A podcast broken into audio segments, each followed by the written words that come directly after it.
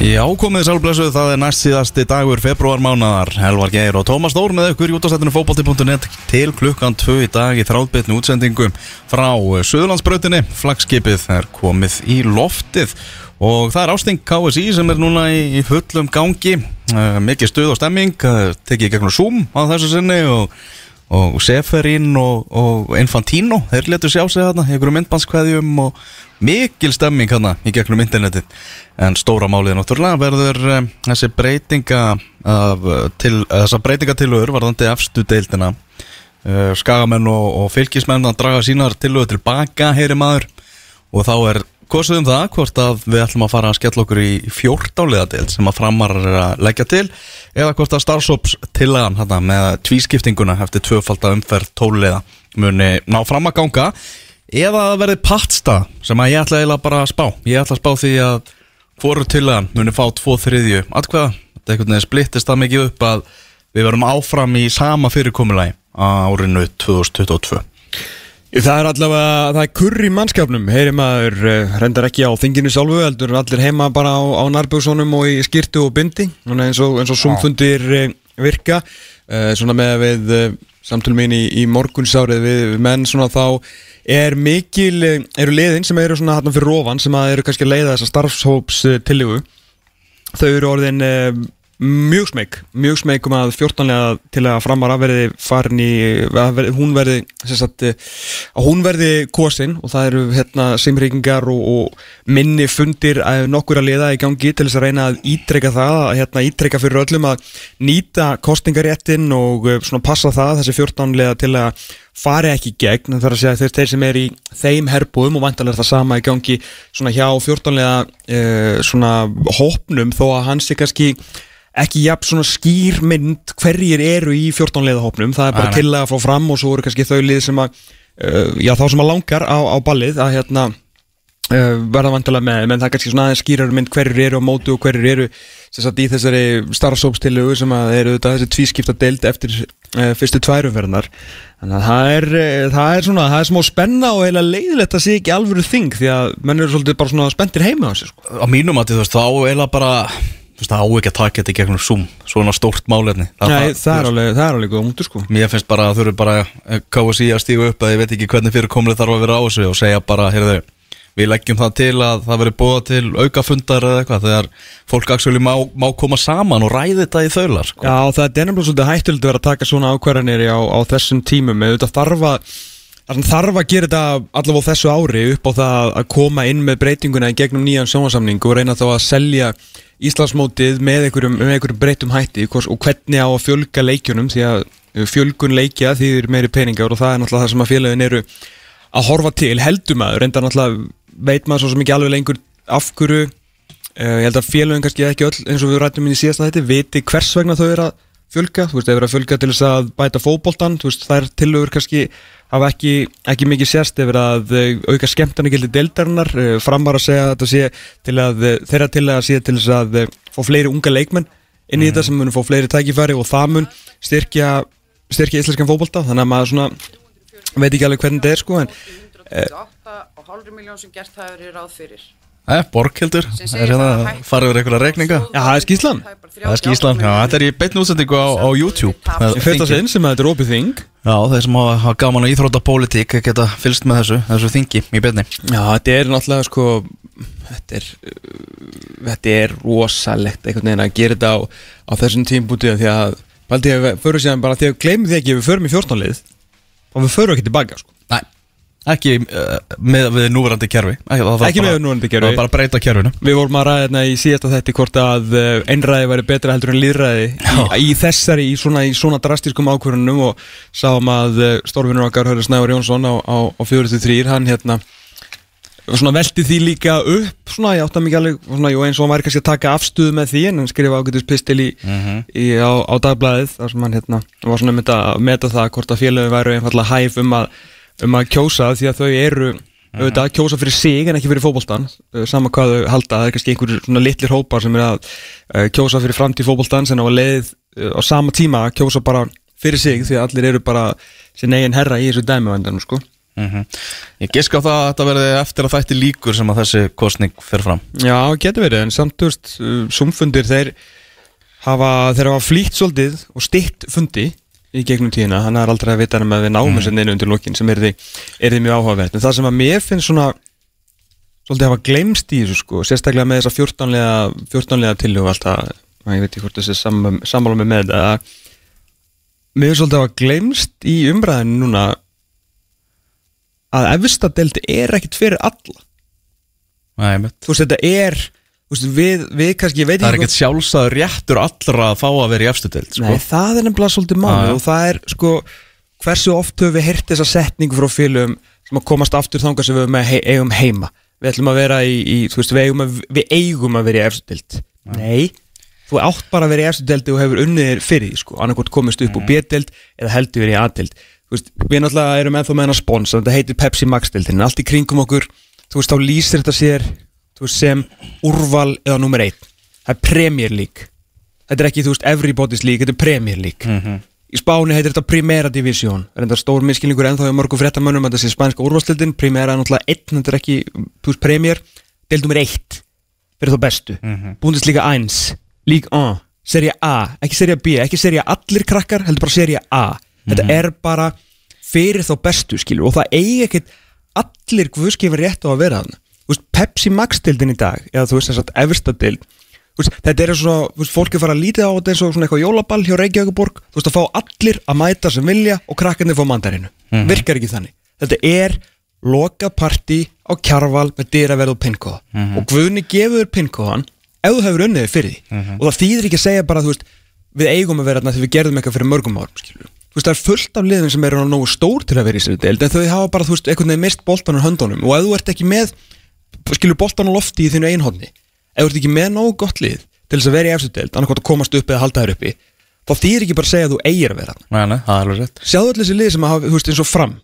Skiptir okkur einhver máli þó eru unnið átján Íslandsmetra deila, þeir bara mistu bara, mm. skilur, þeir spiluðu bara hérna, Rassunum Búkssonum á bara á sínum tíma og þeir eru að koma upp aftur núna fjölnir með sína, þú veist, 20, 20 sem hann að hverfi, næri ekki einhvern veginn að Það samstilla bara um að ná í fótballtastig og vera ég- nægilega góðir. Já, og byggja upp eitthvað til lengri tíma en ekki bara komast upp í deildina því að vera fjölga, því að vera hérna, eitthvað að stækka og opna og, og gera minna úr þessari veistlu Já, og þetta gengisvelli náttúrulega þá líka bara kjölfarið því fleiri lið sem er í Pepsi Max deildinni því ómerkilega verðu að komast upp í deildina og því ómerkilega verðu að vinna lengjudeildina Já, og, og, bjöldina og því ómerkilegri verður líka lengjudild Já.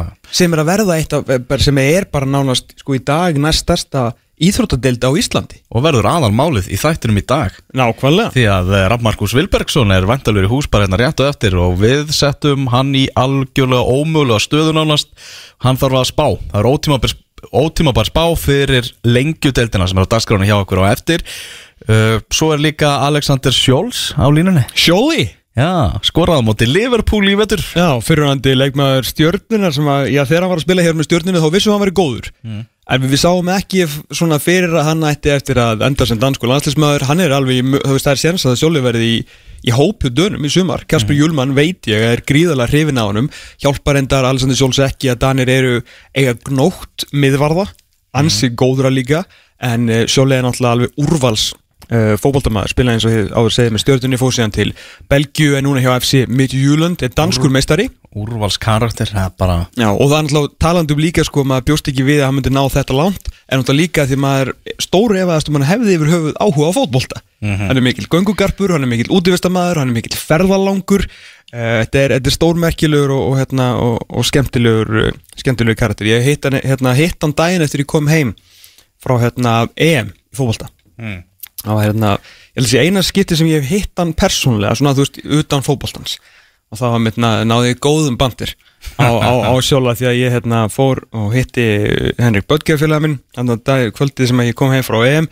Þurfti að, sérst að fara til Gumma Ben og ná í Arons einatreinu mína sem að einhver hérna reyndi að stela en Gummi bjargaði nú menn ég var að taka viðtal á svona fleirum við, við Eismára og hérna ég nýttum það ekki færi fyrst ég að koma vestur í bæ og, og hérna kíkti á Henrik. Og þá var einmitt Sjóli að lenda í húsi líka með einhverjum ethiopískum vinnu sinum nýbúinum, nýbúin með gönguferðum um allt hálendi Íslands að hérna, nýta, nýta sumafríði sitt í það.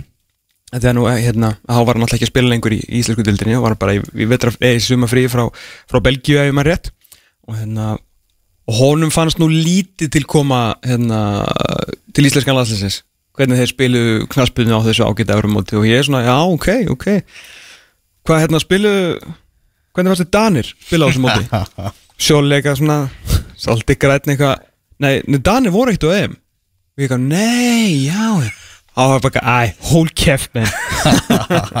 En toppmaður Alexander Sjóls og frábær fótboltamæður Nákvæmlega, heyrum honum hérna í, í lok uh, þáttarins.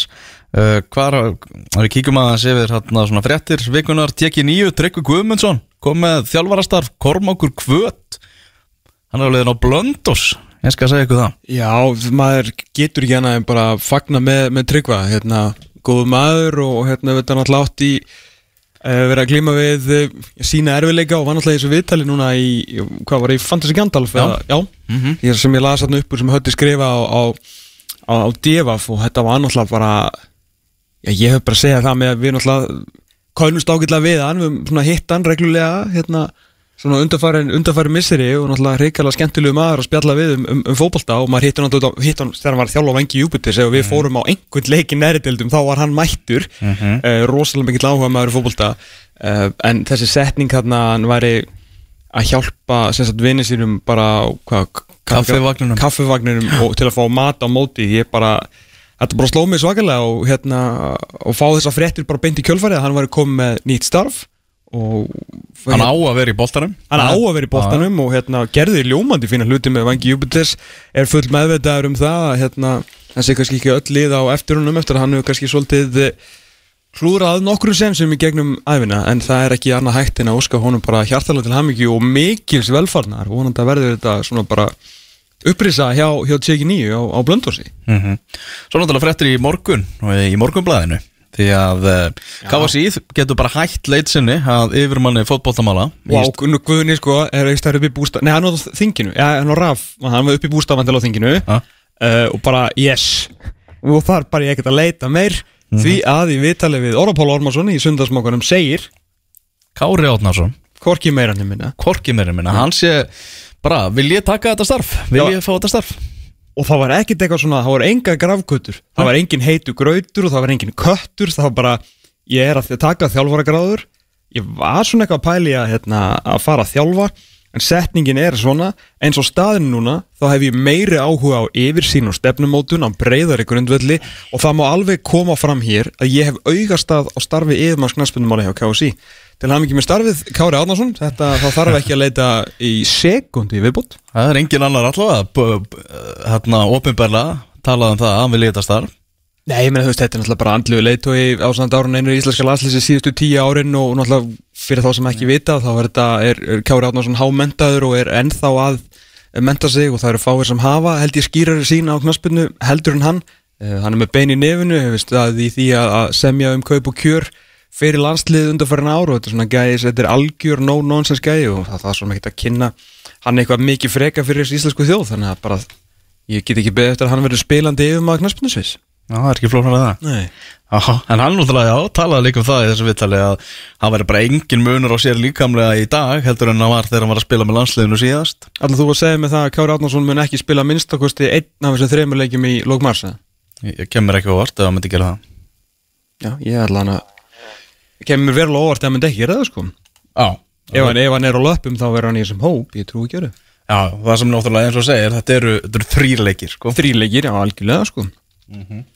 Heyrðu, annað sem að gerast í vikunni náttúrulega stórfréttir í gær eins og þruma úr heiðskjöru lofti. Almar Ormarsson mættur í val. Ég, ég get ekki meðhandla svona upplýsingar.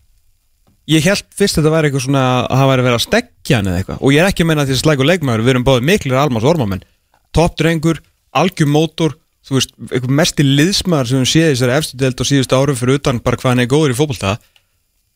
En hann er kannski ekki alveg ég held að skrefið að hans væri ekki úr þessu káa fjölnistæmi upp í liði sem að við munum spá Íslandsmeistaratillunum bæja mæl sko. mm maður spáir hún náttúrulega þú veist að maður sér það fyrir sér að hann sé skotplayer sé, ég held að hann reikni með því sjálfur og Já, svo sem já. ekki gleyma að konan hans er í val það er náttúrulega hæg heimantökin þar og Áskil Stefáni er náttúrulega í val líka og ég mikið sko að hann sé bara ágætlega vel launaður svona liðsmaður fyrir, fyrir valsmenn heldur hann fái bara vel greitt fyrir sín, sín störf eða? Mér finnst stundu sko bara eins og Valur sé svona meira svona rista búrin hjá anstæðingunum bara svona leika sér Já. bara Almar æfa með KR tökum hann til okkar bara Já, þú veistu öll mikið að þetta styrkja káer með þessu fína leikmanni hérna. en þá náttúrulega líka og svo eins og með Gísla Eyjóls tilbúið bara Já. svona Þeir eru blikar, þeir verða okkar helstu, helstu keppinutar í sumarum Íslandsmeistartitilinn Fokk- Bjóðum bara í eitt besta kallinn hjá þeim að fokkum aðeins í honum aðdugum hvort að við náum eitthvað hrist í þessu Já, sko. maður- og, og ef að blikar hefur sagt bara já þá bara ok Gísli Kótu þá bara millifæri við sko Já, já. en líka með hérna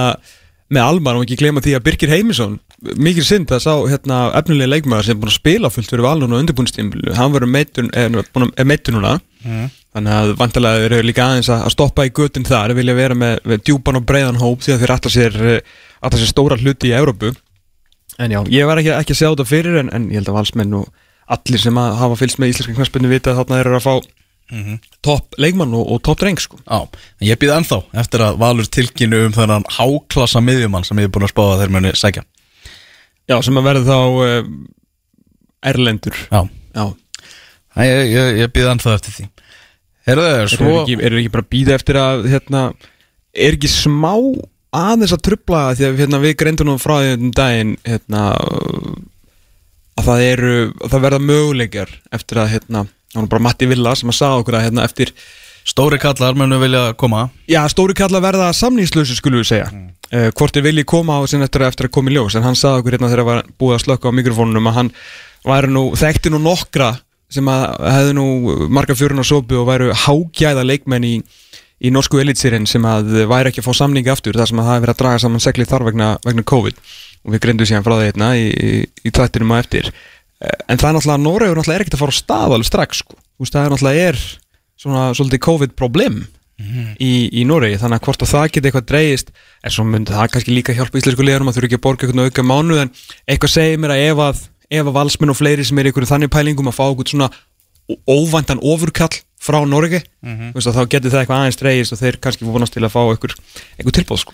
Já, herru eftir viku þá ætlum við að byrta nýja opinbera, uh, ótíma bara spá. En hún verður Já, í hérna fyrir Pepsi Max tildina Já, Og það verður spurning hvar F-fáingar verða þar? Það kemur mér alveg verulega óvart Hvað þe- þeir eru að ná slökum úslitum á undirbúrstíðabilinu Meða við bara gæðin í, í þessum leikmannahópi Þeir missa 2-0 fórustunir í jafntefla móti fram í gær. Já voru spilaðir út á vellinu gegn Vægs um daginn. Já, Reyndar er- spilaði náttúrulega hérna, Gumi Kristjáns er sjálfur bara út á vellinum. Já, rétt mörðu kórdrengi þar sem kórdrengi klúruðu vítaspinnu Já, veist og maður svona, þetta er ekki alveg sami taktur í F-fáliðinu og er til dæmis á blikaliðinu og, og valsliðinu sko.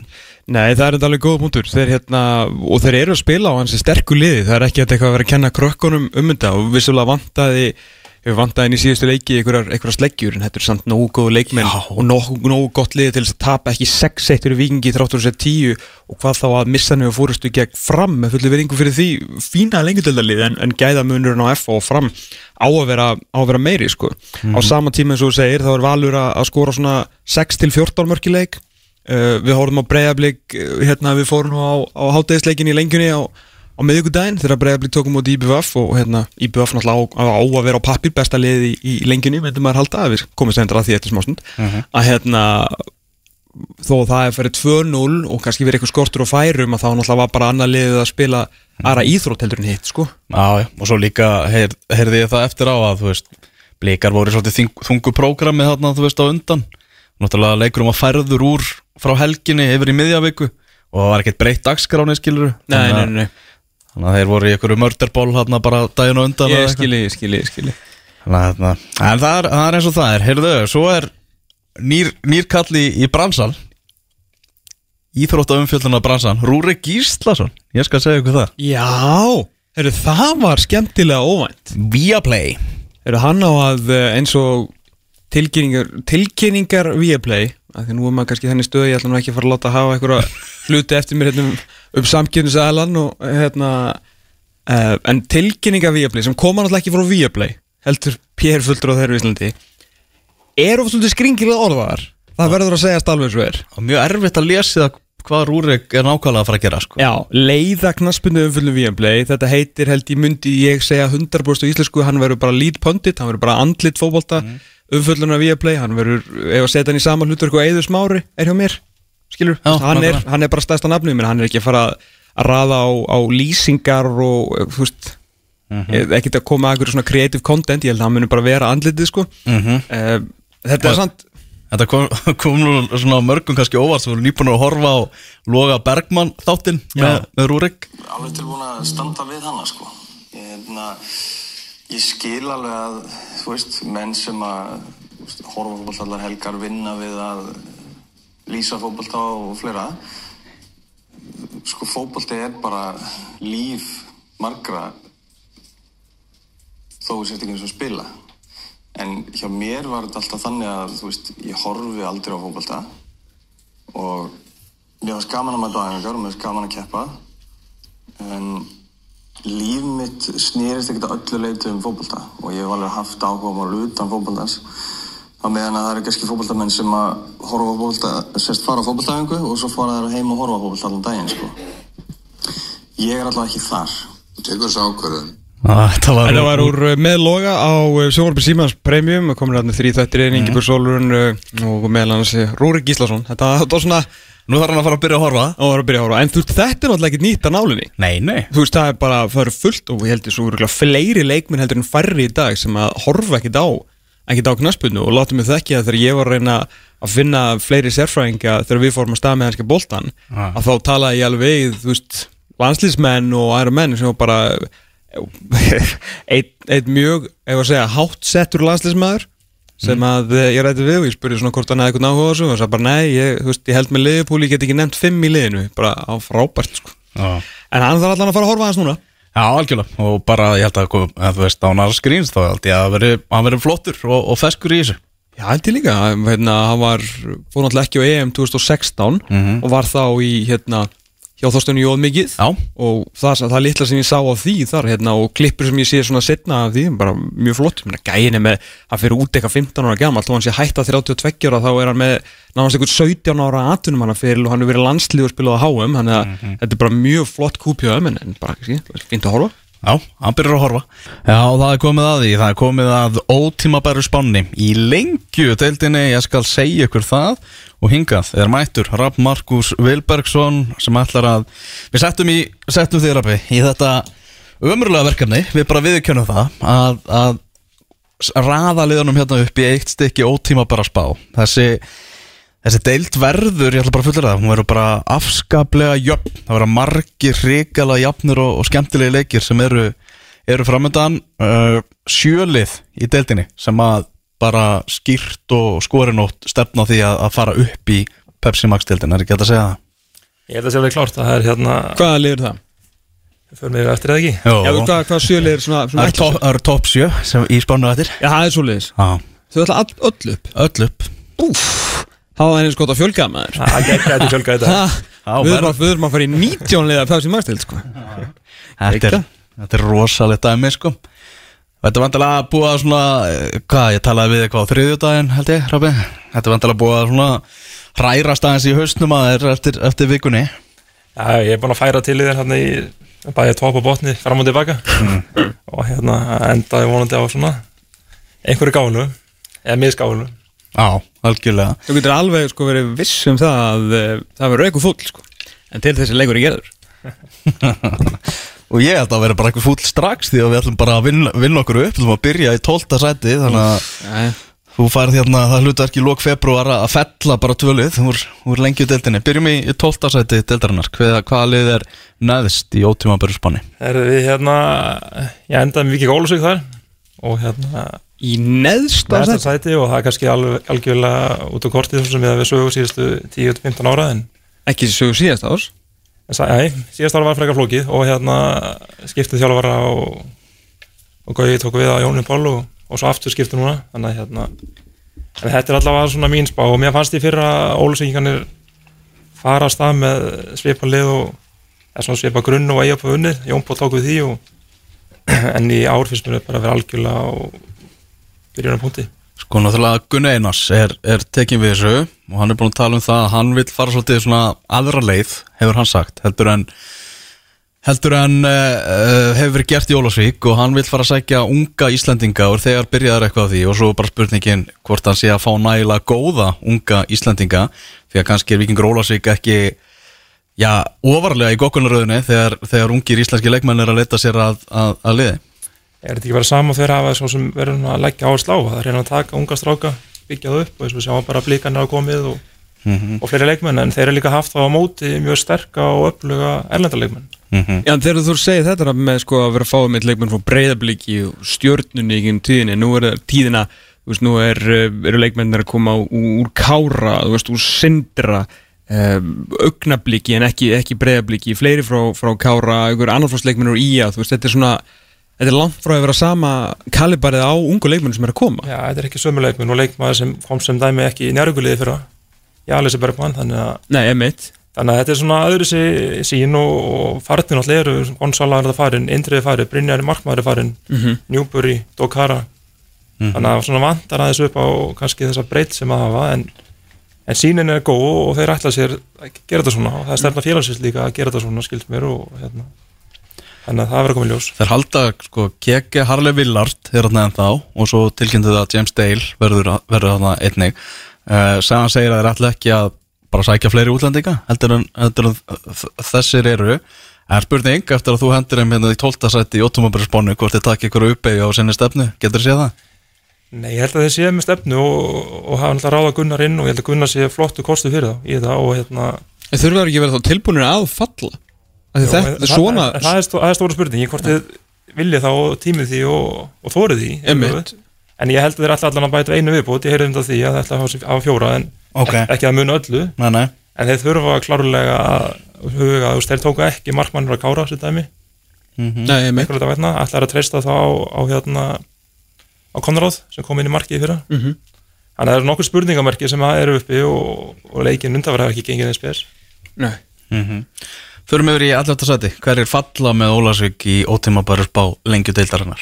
Ég held ég síðan ekki að vinsa stafnum til þess að fella afturöldningu fella, fella magga en Það er kjallaði fyrir komuna bara... Fella maggiból Það er ekki bara að gera sko. Vittunum við, ég vil fá útskynning á þessu sko. Þannig að hérna, það sem ég sé allan í stöðunum þar það er náttúrulega búin að eiga og klárlega búin að eiga fullkomlega skilið að halda sér deildin í sístu tvö ár mm -hmm. og spila flottan bolta bæði í Arnari og svo í magga í framhaldi og... en þeir að svona kjarnana þeirra svona sterkustu leikmennum þeir hafa mist núna andra frey og hérna Jarsson mm -hmm. Róbert Óri, Arnúndæði og Eithor Aron. Þetta eru svona strákar sem að maður ekki Arnar hafa verið að byggja liði á og, og, hérna, og annað. En sama tíma, þetta er svona þeir að fyrir þrýða tímbil og, og náða þeir allt út með spurningin. Já, já, liður náttúrulega búin að spila á svakala ungu liði í, í vetur en við þekkjum nú makka hann þekki til á, á fróðu diskotekunum á Spáni já, og kominn náttúrulega nýr hérna, fróðu diskóra í markið já Fann nýja, það er enginn tenja samt en nýjir spánveri sko. en þetta er svona lágutist punktur náttúrulega hjá Rabba þetta Já. er, sko, og þar til við vitum ég menn þeir að fá leikmenn frá Vangi Júbiters Ragnar Már Lárusson kominn hérna aftur eh, þú veist, úr láni og svona en leikmenni þessi fjóri sem þú telur upp þetta eru, þetta eru bara Pepsi leikmenn í dag sko. Já, við veitum kannski með andra en, en þú veist, með Arnur og með með Jason Dá og Robert Dora þetta er, er rosalegu missir fyrir lítið lið sko. en á sama tíma alltaf frábært fyrir afturölding að vera náðustrákum upp. Ekki spurning. Og hérna náðum við upp í landsliðin og, og samanskapið er líka strákum í 17 og 15 og 19 en svo er bara svo leiðilegt ef þeir vera síðan fórnalum beginn velgingni er að búa til kannski Íslandsmyndstarlið fyrir breyðablík búa til sterkari hérna, yngri landslið og enda svo í annari dild sko. Bara fórnalega þess að búa til of góða leikmenn Já, og vera kannski ekki í nógu stóru klúpur en, en náttúrulega ótrúlega virðingaverð hvernig er hafa gert þetta en eins og þú segir, það getur verið hættulegt bara Já, já. og það er líka mjög svekkend alltaf þeir eru byggjað flott aðstöðu og það er haldið betur utanandum en kannski við gert áður Mhm. og þannig að það er kannski svona en í þessum tólu liðum þá er þetta svona mín sín að eins og staðan er í dag í dag. Já, Já. Vindum okkur yfir í tíundasæti í ótímabæru spáni er ég ákvað að fara þar bara svona öðuldileðina mm. og fara bara sömu saman sæti og það verið síðast ár? Þróttur Reykjavík? Já, og hérna ég veit að þeir hérna klártmála það er hugurinn þeir skipta um til stjórn síðasta sumar og að vera mikið þjálfar að velta. En hún er komið svona, fyrir þetta líka með síðasta sumar á að eitthvað svona stöðuleiki. En ráða Guðlu Baldurs sem er þá hvað 50 þjálfarinn á þeirri árum Mhm. ef við tökum ekki með þarna Raun og veru sjötti þjálfarinn á tveim mánuðum Eftir að þið reyðu þarna þjálfara fimmuna. Já, já, já, það var hérna en svo fimmar þetta gerði vel. Það, Vissulega það var bara 1-0 og, og hérna Það það dugði. þannig að en ég held að ráningi sé mjög gálega þarna. Og þeir eru alltaf með Guðlaug sem að marga fórun sopið og eitthvað Sam Hjúsum með sem alltaf reynslu var sér leikmaður og er að koma inn í þjálfarateimi. Mhm. og svo bættu Jens Elvar við núna um daginn. Þannig að ég held að, svona, að þeir ætla sér að byggja upp og búa til að miðpunktur Reykjavík sé áhugaverð til að fara. Menna við sjáum hérna, mikið talað um það Gunnar Guðmunds og hversu varnasinnaður hann, hann er og var með þetta þróttaraleið Við erum að tala um sko þrótturum en það eru 19 mörg í þremur leikjum hjá þrótti núna í lengjuböggarnum sko. Þetta er búið að vera partileikin, tveir, fjögur, þrjú leikir og, og allt í gangi þannig að við erum alltaf að fara að, fara að sjá sóktjar, var það þróttaraleið heldur unni fyrra. Já, ég held að líka það sem þeir, það sem þeir líka vilja. Þeir vilja fá að fá fólki á öllum til þess að horfa á skemmtilegar bolta og, og svo er bara spurning hvort það sé fá ómikið mörgum á sig og hvort það endi í brasi en, en ég held að svona En 15 mörg í 20 leikjum skoruð Það er enginn að fara að koma veist, Það er enginn að fara að koma í dalinn til að sjá það sko. nei, nei, ekkit, nei, nei, þetta var það líka ekkit spennandi Nei, nei, vissulega. En það, ég held að sé samt allir meðvittur um gengilegið sem síðust ár. Einmitt. og ég held að menn svona úst, Guðlegu gerir fjara ára samning, ekki tveikjara samning fjara ára samning og hann á að byggja upp til framtíðar. Þannig að hérna, ég held að sé svona hvort að hugmyndaræðinu virka og allt það en, en að saman tíma verður þeir líka að passa sig eins og önnur lið að, að gleyma sér ekki í, í kannski svona fallegur hugmyndafræði og, og styrkja lið ekki nóg mikið. Já, þeir eru, er ekki þessi, þú veist, þessi viðfræði flokkur er að það er svona að fara detta upp núna. Það eru sonur formansins, sonur hötta Magg spilaðan sína fyrstu mínundur um, um daginn þú veist, svona flottir, það eru flottir strákar að koma upp, auðvitað algjörlega blöytur á baku eirun í, í meistarflansbolta og hvað þó lengi del, sko, þannig að emmitt að það þarf að setja eitthvað í kringu og það er ekki hægt að fara að ætlast til þess að einhverjir ungi þróttar að fara að halda þeim í þessu del sem að verður competitive, sko, að því hvað gerist líka verið þrótt eða falla niður? Veist, það er veginn þá kannski februar stefna sem er hugað bara í vaskin sko, Já, þannig að ég held að þeir eru verið að passa á því að styrkja á þeim stöðu sem þarf og, og hérna byggja upp en það sem ég varst líka svona þeir náttúrulega sem dæmi fengu erlenda leikmann frá Magna Já, það er náttúrulega einn skemmtilegustu félagaskipti Já. vetrarins Er þetta- er þetta gaurinn sem klúraði vítinu? Já, maður sem klúraði vítunum fyrir Magna og Shit. gerði það að verkum að þróttur er í lengjutöldinni fór séðan í þrótt Já. þannig að það er mjög svona skemmtileg flétta og, og hérna og þannig að fimmmenninganir náttúrulega tóku hérna 1-0 tapið og, og bætist, bætist hérna Kæró við og, og klára þetta. Já, þetta er, þetta er skemmtileg sögulína En þetta er ekki fyrir okkar menn í Magna En, en það er svo það er Já, þróttar raunur náttúrulega fjölni á, á núna í, á undirbúrstíðanbyrnu sem er svona að, meðal áhugaverðar úslita úslitum í, í, á, á prísinsson Ég meina, þú veist, þú sem djúpur í, í, í svona þjálfurinni Mér er, er ekki lögi svona einn af Einn af flottari svona kótsum á Íslandi? Ég held að, ég held að hann sé bara komið eins og það líka á hann bara með það mikla reynslu á mörgum stöðum. Já, já að ég held að hann sé svona flottur aðeilið þannig inn til þess að hérna, byggja hana þeirra hugmyndafræði sem að þeir sem eru að stýra þessu Já. koma að og, og þeir ætla alltaf að tengja þarna saman yngjurlokana og mesturlokin, tengja saman stuðnismunna og þannig að það er svona víðari hugsun sem er Já, eitthvað sem hann hefur svolítið verið í einmitt hjá FO verið svona þessi tengilegur um milli annarflokks og meistarflokks en hann líka hefur margt að sanna þú veist, hann Já, já. búin að vera í, í aðstofluturkinn svolítið lengi eftir ekkit eitthvað ekkit stórkostlega hefnaðan mm Mhm. meistarflokksferð hann gerði vel í, í breiðoltinu að halda þeim uppi ár eftir ár eftir ár skilu en hann vantar svona þetta, þetta stóra Mhm. sem, sem aðalkótt sko það verður gaman að fylgjast með, flottum aður Vendum okkur yfir í eh, níunda sæti í ótumabaraspánunni í lengjadöldinni það er nýlega Selfoss Já. sem, að, hérna, sem ég setti nýjunda og Vistu nýlega þér? Fyrstu nýliðarnir. Níu? þannig að það er hvorki kvortrenginni að Selfoss falla skan þessari spá en það var ekki með ljós. Ég held að Dín Martins er líka hann kom alltaf liðinu upp í annara tilrönd úr annara dildinni og hann er alltaf hörk og öflugur þjálfari Mhm. sem ég held að Selfosningar líka er mikla trú á. Þannig ég held að skipta miklu máli. Já, þetta er tímabil fyrir hann eða svona til að sanna sig. Fóru náttúrulega með á niður náðu ekki að koma þeim upp í fyrstu tilraun hefnaðast í annar og það er eiginlega bara, bara skanda alltaf þetta félag sem búið að vera í þessari deild núna síðustu tvö ár sko. Ég er náttúrulega ferð bara þarna og stendur á æfingarsvæðinu og kjættinsvellinum og Svo er að koma hús og aðstæða sko. Já, já. Og fyrir ekki bara fótboll, heldur líka fyrir aðra greinar. Að algjörlega. þetta er náttúrulega til fyrirmyndar þarna og, Algjör íþróttabær sko. Og það er bara vonandi að Selfoss nái alltaf sér uppi og ná að byggja og ná og vera bara stöðun stöðut fyrstilda lið. En á hverju byggir þú nýjundasæti þegar þeir hafa, jú, við fengið Emir Dukara sem að þekkir svo sem hvernig Korko Kimi í þessari deild en það er ekki margt annað komið og, og þeir missa auðvitað Þorsteinn Aron, svona eitt sem nefnilegasta. Já, og, út sko. og mistum líka komið til Vings og Síðasta haust, náttúrulega sko. minibussin náttúrulega. Þannig að svo sem það er alveg hárið til það en ég held að þeir hafi svona mikið vilja um þessi hluti og félag þessi stóra hluti en hvort þetta sé ómat gæti verið. Já, já, en hérna ég einhvern veginn svona trú að þeir séu með réttu erlendu leikmennina. Mhm. Þeir séu með hérna svona grunn til þess að byggja á og, og einhvern veginn svona og ég held að mun líka bæta í lið þegar það líður á. Það er eins og sko Ólasvík sé næsta bæjarfélag við Selfoss sko með að við það erum með sko Túru Día, Horfið Tókits og svo Dokara komin líka sko. Já, það eru, það eru stuttar leiðir hérna á milli allavega. Það verðist vera. Já.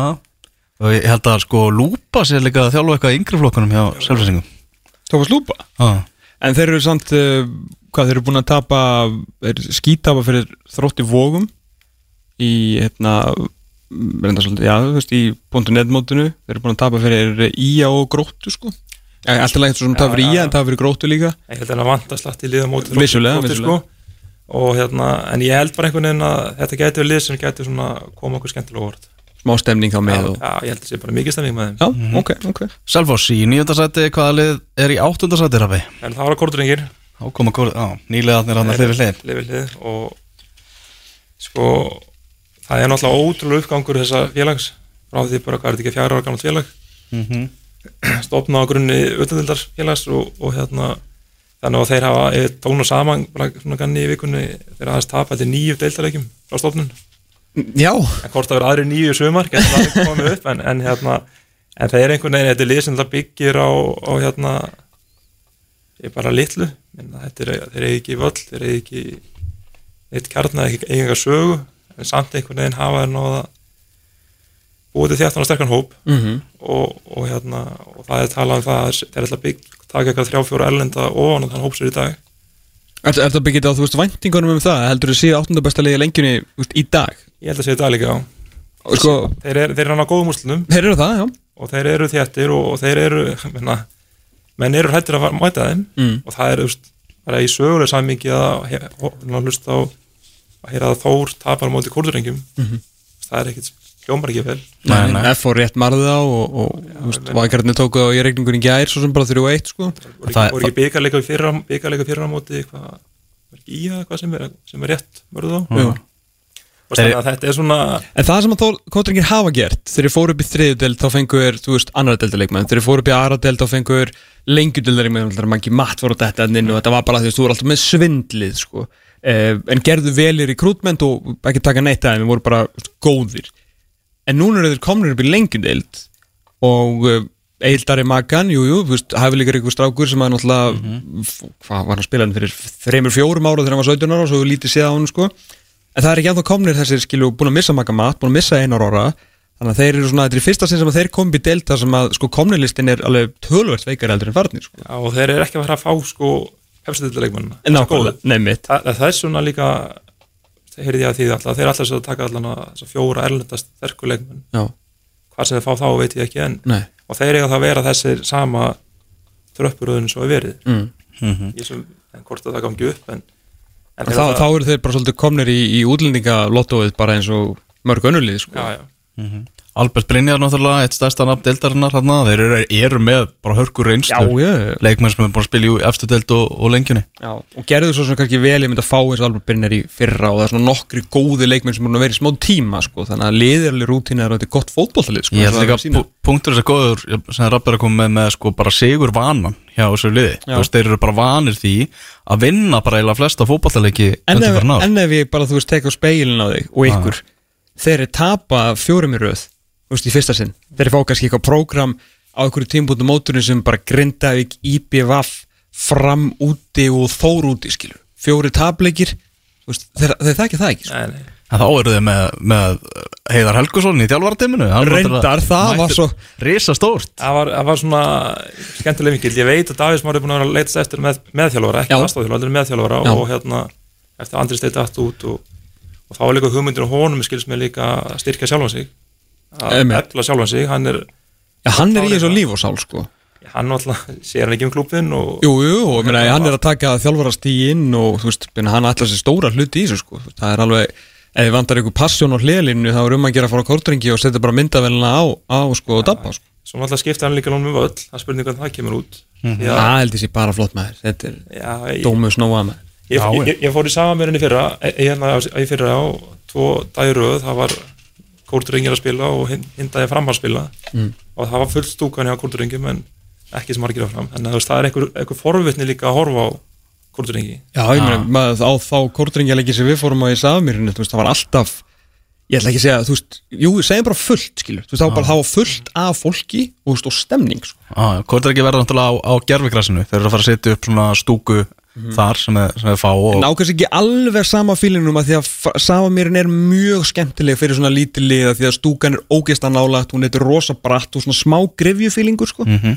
En hérna, þannig ég, ég skil þá pæling alveg, þú veist, þetta verður aldrei. og svo líka bara eins og þeir settir líka borðabur upp eftir öllu völlunum Já, sem já, að var svona kórdringi að borða eitthvað sem að hólfa völluna þess inn emmitt, emmitt. þannig að þessi stemming sem að kannski ég veit ekki hvort það náist í byrjaðaltinni því að stemmingi verður klárlega hjá leiknismönnum í byrjaðaltinni Jú, jú. Hvort að kórdur ekki náði líka Hafna verður bara fótbolta sko, fíasko bara í allt sumar sko. Þetta verður Það er geggjað, festi, festival, það er bara lengjudeldin og Pepsi Max deldin Á og sama blettinum. sama blettinum það verður bara algjört partí Er þetta að kaupa ársmeða bara á svæðið? það er kannski bara ræðu við kortrengi Er það ekki? bara sameinað áskort það er, það er hugmynd Herðu, vindum okkur áfram upp töfluna, við erum komnir hvað, í topp 7 núna, nú erum við komnir í liðin sem að ætla bara upp úr sér Þannig að, já, sjöunda sætið en ætla sér samt upp. Það er flókin, þetta er flókin spá. Já. þetta er alveg reyndar frá 12 til 1 en ég setti Þórsaran þar. Og, og hérna líklega ekki, ekki með vinsal spá en, en þeir eru alltaf árið klárlega vombriði fyrra og reynir árið þar alveg undan. Minna þeir að skipta þjálfara enn eitt árið fjórið mm -hmm. fjórum árum. Þannig að það er einhvað sem að Pallir ná ekki fyrra sem ætluð sér að ná og orðið fyrir komin inn en það er gaman að sjá hvernig hann kemur inn í þetta búin að vera alltaf lengi hérna verið sunnan og kemur norður og tekur við þeim en, en svona meðast vanta þessu upp á svona einhvað í það til þess að komast alla leiði í þessu allavega Sko nú hefur jörðin nötrað hérna á, á, á þessum hluta landsins Ég held hún sé nötrað á Akureyri núna eftir að verða að henda Þóri í seti en hlustið samt aðeins á þetta. Við tölum við Orra Freyðin daginn og hann var að segja okkur aðeins hvað hann ætlaði að fara að gera. Uh, ég veit að Þór telur sér verið með fótboltakalla til þess að fara upp um deldi. Þeir eru samt sem aður að skipta um þjálfara. Og Orri sagði við okkur, og það er leiðandi alla, þú veist, bara ofinbelega, að hann ætlaði svolítið að fara svona að breyta stefnunni. Þú veist, það ætti að vera kannski aðeins meiri fótbolti, þeir ætla að vera aðeins minna leiðilegir með fullir virðingu skilu, hann ætla aðeins að fara svona hvað var að segja, svona aðeins að íta við stefninni skilu, fara, einhver aðeins aðra braut og byggja kannski aðeins meira upp til framtíðar á okkur sterkari grunni með þessa flottu leikmenn segir eiga það er svona fyrst mér rosalega skrítið að þó þið sé með svona fótballtakallana að þú veist, þeir þurfa heldur betur að negla þetta bara í fyrsta ef þeir ætla þú veist að fara síðan upp um deild. Þannig að mér finnst svolítið skrítið að ég skil á þórsarðin vilja fara upp en ég er bara, ég er allan að því að sko finnst eiginlega bara langt frá því með hvað Orri saði sko, en á næsta ári ekki spurning, fattur mér finnst það samt að vera að fara í einhverja stefnumbreytingu sem ég, ég skil ekki alveg hvernig þeir ætla að gera það og keppa við þessu góðulega og fyrir upp um það er samanleiki fyrra, þá komur líka fram í vittali á Palla sem að og þá ætla hann að vera ennþá leiðilegri sko. að hann ætlaði sér upp já, en hann hljómaði svo honum eins og félag var ekki klart í það emitt þannig að spurningi ár hvort það sé eitthvað annað þegar náttúrulega eru mikið að strákum aða norðan og minna síðast, síðasta skýrslu þá voru bara allir norða menn mm og ég, meni, ég, ég áttum með því þeir eru ekki að halda hérna hvað heitir hann bestir hérna? Alvaro Monteiro. Alvaro, skiluru Ah. að hérna þeir eru ekki, þú veist þá ætla þeir, þeir ætla, greinlega ég held að félag er ekki samlað að félagi ætla sér upp sko. Eða hvað, ég held að stuðnismenn allir sér upp. Stuðnismennir ætla sér upp já, ok, er- Jörnusmælirnir það er fínt að fá þá þeir geta bara fyllt þá bara í. VF eða eitthvað. En ég, þú veist, ég held að það sé bara ákveði verkefni fyrir orra sko að gera liðið ekki eins háð alvaro og það er búið að vera eins og til dæmis í fyrra sko. Og svo spurði líka með Markmann líka, hann alltaf meittist Já, núna, meittist líka saman tím fyrra. Mhm. þannig að svona spurning hvernig hann komist inn eða hvort þú þurfa að taka nýjan inn. Já, hvort sem að sjöundasæti sé of, of neðalega ekki en, en ég ætla hann að svo staðan er eitthvað núna, þá er ég ekki að taka þátt í að, að þú sé, sé verið liðs með að fara upp sko. algjörlega Þá er komið að sjötta sætir. Efri hlutin Efri hlut Eflutin. það eru, það gróttumenn Wow. og ég gróta er svona þetta er náttúrulega sama með gróttu hvað sem hefur verið síðust ár það er búið að kannski vannmáta á þeim og þeir fóru þannig upp úr, úr annara dildinu og upp úr, úr fyrstu og, og hérna og aftur bara í efstildi fyrra þannig að bjóst engin einu af þeim en, en hérna þeir hafa alltaf mist einhverja og en halda samt sem á ákveðni kjarna og halda gúrsta og Mhm. Þetta er náttúrulega svona sami kjarni og náðu þessu óvænta óvænta árákri að koma liðinu upp sko. Já, þannig að þetta er svona í grunninu og þeir eru alltaf klárið sinni stefnu sem er bara verið frábær og margan hátt en, en svona ég held að þetta sé svona gróta getur alveg farist að fara upp en ég held að það fara ekki upp þú getur alveg stendað í fjóruða en það enda ekki í topp hvað, einu, tveimur og jættið þreimur eftir kostningur um dag, hvernig það endar að fara upp Það er náttúrulega ennþá spurningamörki með Hákon í markinu Af hverju er alltaf svona vissir um að hann sé að fara? Þú veist það er komin 27. februar sko. Já, ég, ég er og, ekkert og, og í hvaða lið er hann? Ég er ekkert viss um að hann sé að fara En ég meina við heyrum bara hvernig Gústi talaði þegar hann var spurður út í þetta Ég meina hann var ekkert örugur um að sjálfur að halda Hákonni sko. Nei, en ég bara, ef hann fer ekki út ég meina það hlýtur að vera eina leið nema að valur sænan sem eitthvað framtíðalöst fyrir hann ég bara, þú veist, þetta er bara eitthvað En þá er hann bara lánaður og glaftur í góti Ég er að meina, sko, ég, ef hann verður, ef hann skiptir um félag á Íslandi þá held ég að muni alltaf spila með grótt í sumar, sko. Mm. það er engin markvarast að lausi efstu dild eins og staðan er okkur núna. Mm Það er spurning hvernig bara hugurinn er líka hjá honum einhvern veginn, það er þetta góð pæling, sko. Já, fer upp í Pepsi Max deildina, er hann að fara að gýra sig upp eitthvað aftur lengjudeld með gróttu sko? En ég held að syndinni fyrir hafi verið þú veist, þessi stuðnis með gróttu sem hann alltaf þeir reyndir alltaf með þetta að fara upp það fengur kannski njóta þess að vera alveg Nei, sem það er mér svo Henry Birgi munu lístina skemmtilega leikar og engin árundur og Allir á grillinu og... Já, já. Spurning hvort að Pétur Theodor minn aftur verða jafn mikið á eldi og hann var síðast í, í þessari deild? Af hverju er hann ekki í Pepsi Max deildinni? Já, Já, það var algjörlega frábær Hvaða villis er þetta? Meina, já þessi gluggi, svona, þessi Pepsi Max gluggi var kannski ekki alveg sami auglýsingaglugkin fyrir leikmennin sem þeir hafðu vonað í, í sumar. Nei, Þetta er leikmaður sem á að vera í Pepsi Max deildinni, sko. Herruðu höldum áfram, förum í fymta setið. Þegar ég setti vestrað þar. Já. og, og hérna Það er skýrt markmið að komast upp. Það er rosalega skýrt markmið og, og náttúrulega náðu frábær árangri fyrra og, og reyndar Bjarni og náttúrulega farinn og, og hérna hefða tekið við en það er svona þú veist þeir ætla sér bara upp og þeir eru búin að styrkja leikmannhópin svakalega þeir eru með einhverja 14 erlenda leikmann Já, þegar þeir eru líka að taka sko bara leikmann frá Celtic og, og, leikmann, og leikmann sem á 100 leiki í dönsku úrvalstildinni og þeir eru með, þú veist alltaf að vísa þá í hérna Kasper sem kom frá hérna Kasper og Nikolai Nikolai 32 ára gafall leikmaður úst, og hafa yfir 100 leiki östeld í Danmarku Já, og hérna og mér skilst þessi Nikolai og líka þessi Kundai sem var koma frá hérna einmitt, þau verið í Celtic og Helsingborg og leiri stöðum að séð bara hefstilda leikmann mm og ég held að mér skilst líka þú veist, að þeir hafi, hafi hérna náða náða hérna festa alla leikmann sem vildu og hafa einfallega bara styrt hópin enn betur og, og sem dæmi komur óvart þessum markmannamálun ekki haldi blakala en þeir vilja meina að sá sem er tóku staðin sé bara enn sterkari. Já, þannig að en ég held að þetta er náttúrulega alveg, þetta er bara aðtunum á lið pluss náttúrulega eru með Pjöti Bjarnar, Viktor Elmar og fleiri. En segðu mér það eitt, þú ert búin að, móka svona undir lið með því líka vonir og væntingar og pressu og bara áöllunum að fara upp í efstu dild eh, með þetta vestarlið Þjálfarráningin Óvænt. Veist, það eru margir sem spyrir mig bara hennilega hver er þetta sko og ég er eiginlega bara svona fram já, það er bara óskrifa blað alg, algjörlega óskrifa leveli sko. komið samt ekki hérna hvað sem ég veit eitthvað þekkir hann eða þekkir til hans skilu en fannst það samt ekki sk- skrítin ráning í ljósi þú veist hver var að fara og hvað er búið að setja undir lið? Jú, menn alltaf þurfa alltaf að fá tækifæri. Svolsögðu hann er með heimamann sem að brennur verið fótbolt og, og mikil áhuga á þeir hann að gera og, og er bara snjallið sem hann gerir. Ok. En á sama tíma, jú, þú mm myndi ég halda í systemið.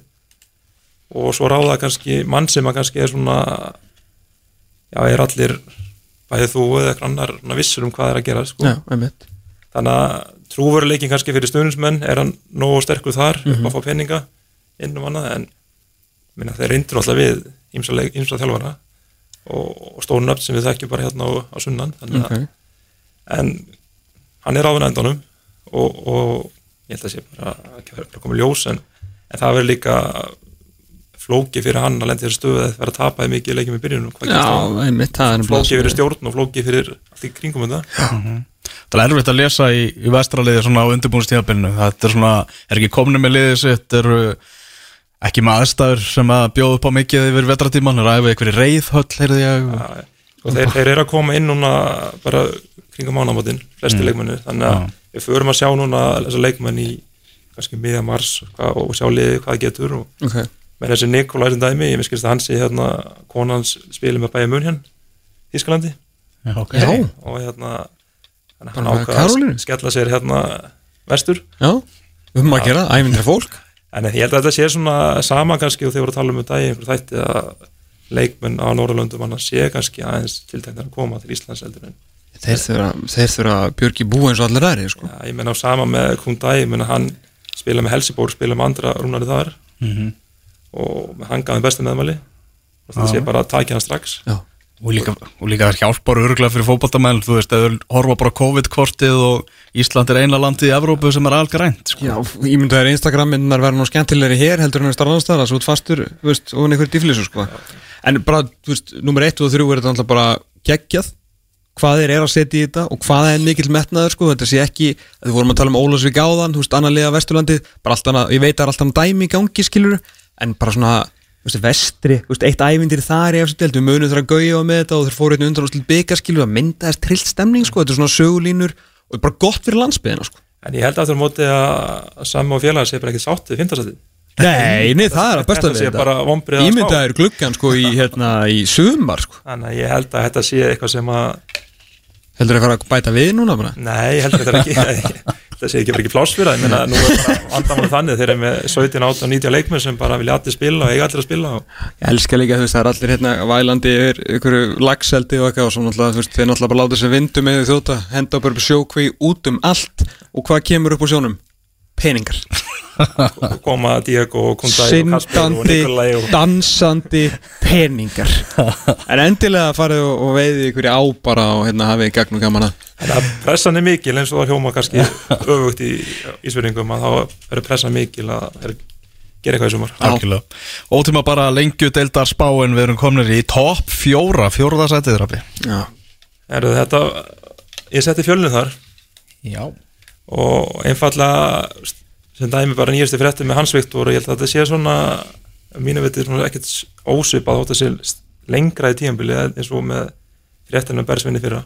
Mm Til þess að fyrir þá sem ekki vita þá er Hans Viktor Guðmundsson fyrirliði og bara einn albesti leikmæli sem smittur núna í þrjá til fjóra mánuði þannig að hann mun allan ekki byrja mótið og verður kannski að koma inn í síl, sí- hvað, sílaði í mæ cirka bát, kannski í júni. Svo heyrði ég gerð sko að Dofri væri í kaplubu við tíman til að vera bara klári í fyrsta leik sko. er þetta alltaf í kaplu við tíman og hann er gerður um granín þannig að það hef ekki af því.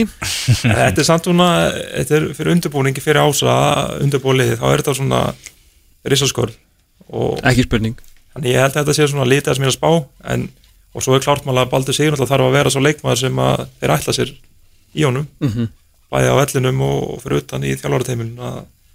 að að, að þá er ekki kannski svarið þessum daginn þótt að það getur komið fyrir mennskóri sjálfsmörk en sjálf, sjálfsmörk tvökul og raut er ekki svarið hjá þegar þeir eru að fá hann Já, já. Veist það er rosalega mikið af karakterum í þessari deild og nú er bara Baldur Sigursson búin að bætast í, í þann hóp sko. smalin sjálfur Já, mættur, mættur í lengjuna.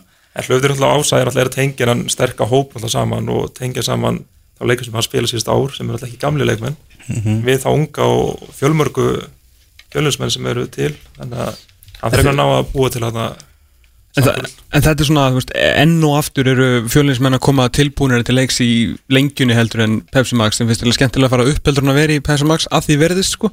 Uh, minna Ragnar Leosson, fínasti leikmaður fá náttúrulega andra á flandri frá, frá afturheldingu, vonast til að hann geti veist, skora líka fyrir, fyrir þá.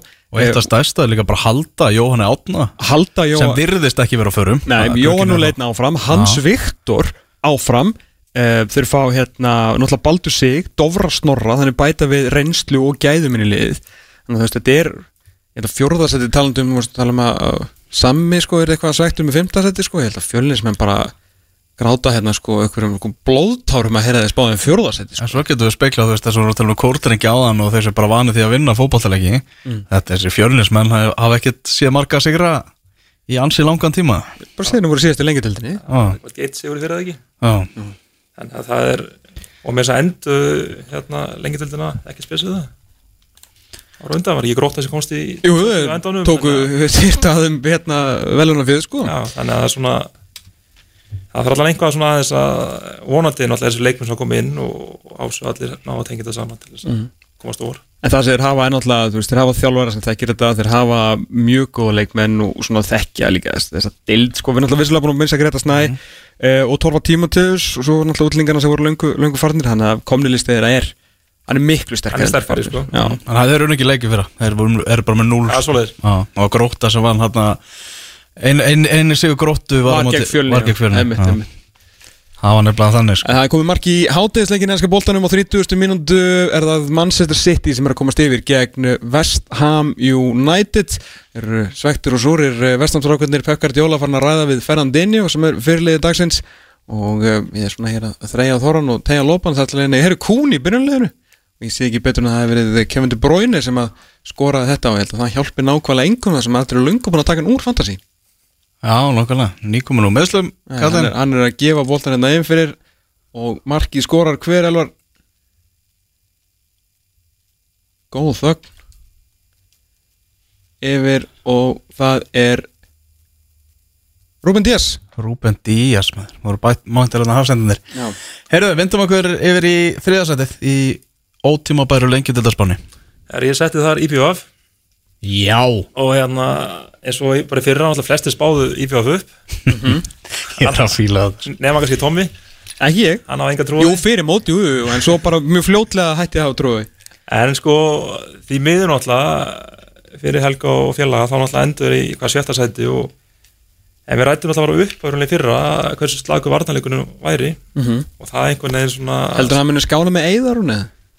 ég var að vonast eftir alveg klárlega, en með Bjarn Óla og Jón Inga út náttúrulega í staðinn Já, að þá náttúrulega ertu komin aftur bara í sömu stöðum Það þarf, þurfa að vera einhverjum menn í kringum eða hún sko, það er bara að verjast einn. Nei, nei, það er alveg hárið sko. Klárlega náttúrulega mikill leitói sem náttúrulega unnið allt og gert allt og þannig að ég held að hann náttúrulega muni styrkja þetta mikið en, en, en að missa Bjarn Óla og Jón Inga, Inga Jón Inga náttúrulega besti maður þeirra í fyrra. Mm þannig að það er svona en þeir náttúrulega fengi líka Samarano sem náttúrulega er einn af betri fyrstunduleikmöðunum síðust ára spurning. Gonzalo Samorano, Sito og Gary Martin frá með sko.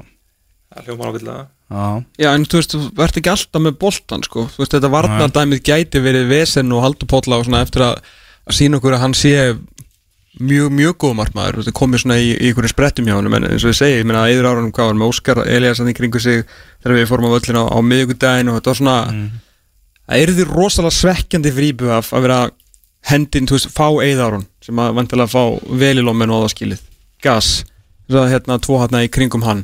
Uh, Telmo er ennþá, þú veist f- flotti leik og ungi strákarnir í kring, skilu, þetta er gott lið uh, með, með flotta þjálfara sem hefur líka komist upp úr þessari deild.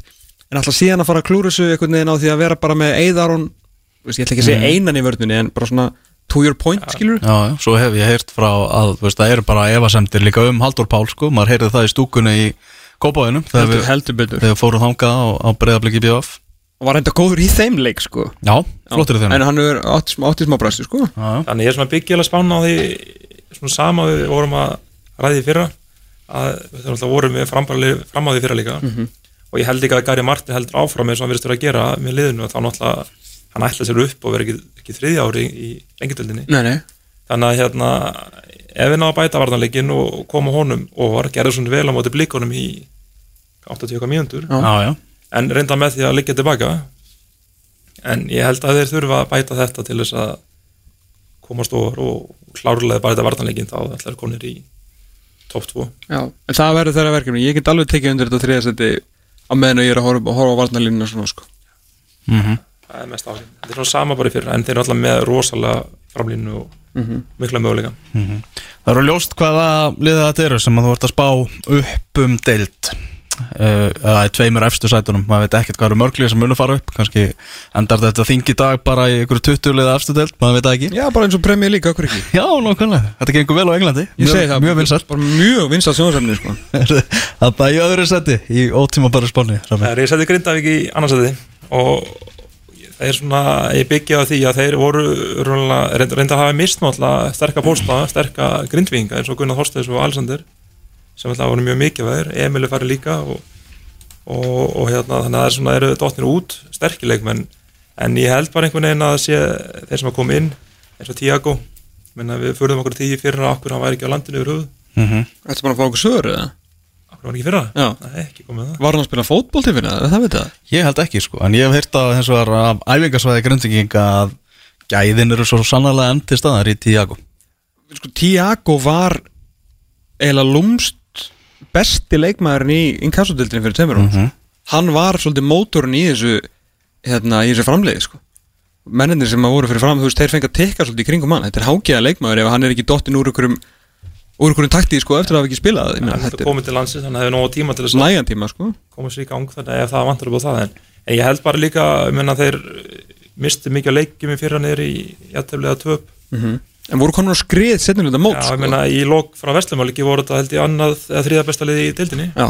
og voru svo sem var í góðingir og höfðu ennþá möguleika þegar flautað af. Veikavón en að fara upp en, en ef að þeir ná að það er, ég veit það er pressa grindaveik menn vilja, veist, það er ekki sama að þeir eiga og vilja að vera í efstu deild og, og, en hérna, þeir vilja að vera í efstu deild grindinganir og, og finnst það einhvern veginn svona að þeir eiga að vera þar. Að þú veist, Bjössi og Óli þurfa að hérna vita því og, og ég held að einfallega bara það lýsi bara að verði það stert þegar það kemur á, á tíðanbili að þeir séu klárir en, en það vantar aftur á mótu upp á líka eins og í dag breytina, breytin er ekki mikil og, og hún er rólega engin þannig séð og Tamborini, Alexander Vegur og Gunni Þorstens þetta er þokkaleg skörð alveg. Þetta eru bara rísaskörð en ég held að þeir, með þess- þessum þeir sem hafa verið að fá inn það hafa verið að taka inn Óla Guðmunds þeir hafa verið að taka inn Tíagum þeir enda skipta um markmann, það kemur svona kannski aðeins og vort Já, Aron Dagur, komin í markið. Þannig að hann er svona margt að sanna þannig að hérna, en ég held svona í grunninn þá grinda að væri pott, það berst á tónum og, og hérna ég held ég stefnu, stefnu upp Í vikunni voru þeir að spila æfingaleg voru svona, það var svona hálfpartin eitthvað, eitthvað varalið hjá þeim, en í þeim leik spilaði Bjarni Ólafur Eiríksson með Grindæk Já, hann er ennþá biti á lausu og uh, verður að segjast að hann og Sigur Treyjansson þekkjast ágætlega. Þannig að þeir eru jú tveir uh, leikjahæstu leikmenn vals frá, frá upphafi sko. þannig að hann getur nú verið uh, svona, kannski síðasta púsli í þetta. Já, já. Ja, þeir þurfa samt sem maður held ég aðeins meira en það til þess að auka breytina því En að af, af hverju, af hverju sem núna bara, þú veist, ef ég spyr hérna sem, sem hálfur eigamæður hver er munurinn á þessum tveimur? Hvað er það sem skilur að þarna annað á þriðasetti? Með við að Grindavík er búið að missa miklu meira heldur en IBF Það þunnu þráður á milli? Já, það er mjög þunnu þessar á milli. En ég held einhvern veginn að þeir séu úst, það er náttúrulega þessi spá náttúrulega efstu liðin geta verið svo sem hingað þanga en ég held einhvern veginn að þeir séu það vantar upp á orðanleikinu á IBF það vantar upp á þar að þeir séu búin að styrkja hann og sem ég held að þeir munur að það gera. Mm. annaði liðin alltaf kláraði móti í fílu hitt í semi-brósandi sko. Já, það skiptir máli líka. Já, já. og ég held að það að teki kannski svona aðeins Bjössi náttúrulega getur verið stress á línu og annað og, Jú, jú. Og ég held að komi kannski svona fílöldara til leiks eftir þess að endi. Já, já, og, og hérna og svo sem það er alveg getað sett í BF í annarsætti eins og fyrir það en ég held að það sé þannig að þeir ætli sér og þeir munu bæti það sem það er að bæta til þess að segla liðinu upp. Ok. En lengju deildamestrar 2021 27. februar uh, svolítið ótíðanbart hjá okkur en þetta er jú ótíðan bara spáin. Rafmarkus Vilbersson uh, það eru þá. Herri, það eru framarar. Og ég spáði að þeir farið byrji á nýju svæði í deild já. eftir ár Þeir eru á til þess að þeir fundrasta sinn, þeir eru í laugardalum eða ekki? Á Nei, Verða þær í samanbyrjunni? það er samirinn Ah, takk og við og það síðast árað ekki? Jú, svo faraður upp, það verður, ég saman, ég vil fá fram upp á nýjum stað sko. Þannig að þeir taka eitt ár við bót og, og hérna það ætla voru gráðlega nálaldi Já. Og ég meina töpuðu hérna leikamóti hvað Grindavík í þriðja síðustu umfyrinni eða fjórðu? Kanski duga þriðastættiðin bara til þess að fara upp ef að þeir ná mögulega sko ég held líka bara einkom að Jón Sveins þjálfara bara, og líklega þá fleiri kringum að hafa breytt bara rosalega miklu. Aðstæðna Þetta Aðstæðinsson, við skulum ekki glemma honum. Lið sem við töluðum nokkur án síðan væri bara í alls konar brasi og Mhm. það er einhvern svona róið fram og, og hérna og svo náttúrulega eru Fred og Kæl Kælun náttúrulega konum til landsins og skils með þetta núna sókvið bara núna á sunnudaginn þannig að þeir eru að fara þetta inn í leikmannhópin Indri Áki, Óskar Jónsson Gróttu komnir með sögðu að unna stein sem var náttúrulega löngu vitað uh, í fylki sko. Þannig að þetta er svona ég bara nokkuð neina að pæri eða eitthvað? Jú, þeir eru að fá, ég vil að sé bara í góðum gýr og, og ég ætla að spá þeim að þeir eru alltaf voru mjög skemmtilegir fyrir á og áttu skilið eins og, og liðin sem voru upp að fara upp og ég held að þeir fara upp í ár. Já, er það ekki, þú veist, eins og segir bara með Jón Sveinsson að kemur svona ákveðna ró og það er bara svona flott holninga á liðunum hann er bara búa til bara hörku flotta, flotta liðselt Jú, mér finnst að það hefði einhvern veginn ná að, veist, að líka flikka sér baka þjálfaran Held að hann- er líka ná að tengja nútíman og, og sögulega tíman saman einhvern veginn og, og meina, hann á að endast á leikjum í byggarúslandum og titla og hitt á þetta sem að sem skiptir ekki öllu máli en ég held samt einhvern veginn í fram skiptir alveg miklu máli hann er svakalega dáður sem, sem framari sko. er algjör bara máttarstólpi í eittisliðinu þeirra og, og fyrir utan að eins og segir, hann hefur líka bakkað þetta upp á vellinum sko. Já, ég held að bara hvernig hann talar við óbyrneldi og talar við út á við og mm minna hann er hundfúll hann tapar og, og ekkert eitthvað í skíjan það vinnur þannig að hann er svona einhvern jafn að geða gott hjá honum og, og svo náttúrulega er það með hann ákveðin svindkallir deildi í fredd og sem hann náttúrulega er bara frábæleikmaður Mhm. eins og segir að það bara þrá náttúrulega fram núna að fara upp. Þau voru náttúrulega farnir náttúrulega til KAS þarna til að reyna koma sér upp eftir COVID-stoppununa og, og vilja fjölgu núna og allt það. Þeir ætla sér að vera í efstu deild þegar nýtt svæði er tekið, tekið í, í nóðgun er ekki best bara að gera það eins og uh, öllið hafa þurft að gera það í gegnum tíðina og að lenda í öðrum og tveimur efstu setunum með eða bara efsta sætinu Eða bara efsta, eins og spár spá, sko. Já. það kemur ljós. Það kemur í ljós, en það er allan eina leiðin skilur það er allan að rétta leiðin. Ja, rétta leiðin sko, ekki svo svona spurning hvað var rétt núna í, í náttúrulega í haust átt að flauta þetta af og allt það en við erum búin að ræða það fram og tilbaka jú, jú, það var, það var flötuð af Nákvæmlega. Þú varst svona að, að pæla í þessu rafið, býst ekki við því bara lengjudeltin verði áfram skemmtilegasta deild landsins?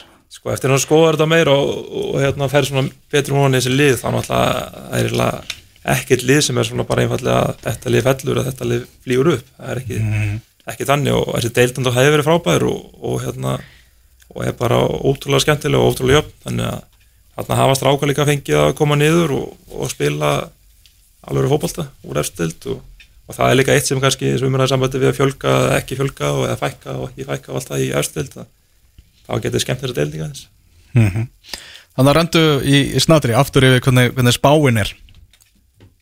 Þannig að Það var einfa- einfallega hérna Víkingur Ólafsvík í, í 12. Afturlending 11. Gróttur í 10. Selfoss 9. Kórdreyðingir í 8.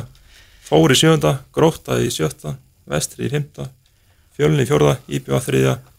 Grindavík og fram eftir tveimur Já, grinda eitthvað fram upp í, í eftir tveimur sætum lengjudeltarnar í sumar samkvæmt ótíma bara spá lengjudeltarinnar eftir viku þá verðum við með nýja ótíma bara spá í Pepsi Max deildinni Rabbi bara takk kærlega fyrir að taka þessu verkefnu okkar þessu erfiða verkefnu opnum örmum og, og setja saman þessa, þessa spá og við munum vafalítið heyri þér fyrir en varir aftur Já, mjög, mjög fínt að meðan þú ert bara svona að halda þig frá þjálfun það er gott að geta það heyrt í þig sko. Hvernig ætlar maður aftur í þjálfun? Hvernig, hvernig verður mappan tekin aftur fram? Það lítast þetta síðan, að hlýtur að stýta stíða maður ekki búin að ringja upp á síkastið ekki síkast þinn. Nei, eitthvað undan því? Eitthvað undan því, auðvitað. Rabbi, takk ég aftur, kjallaði fyrir komuna, ringilega gaman að fá þig.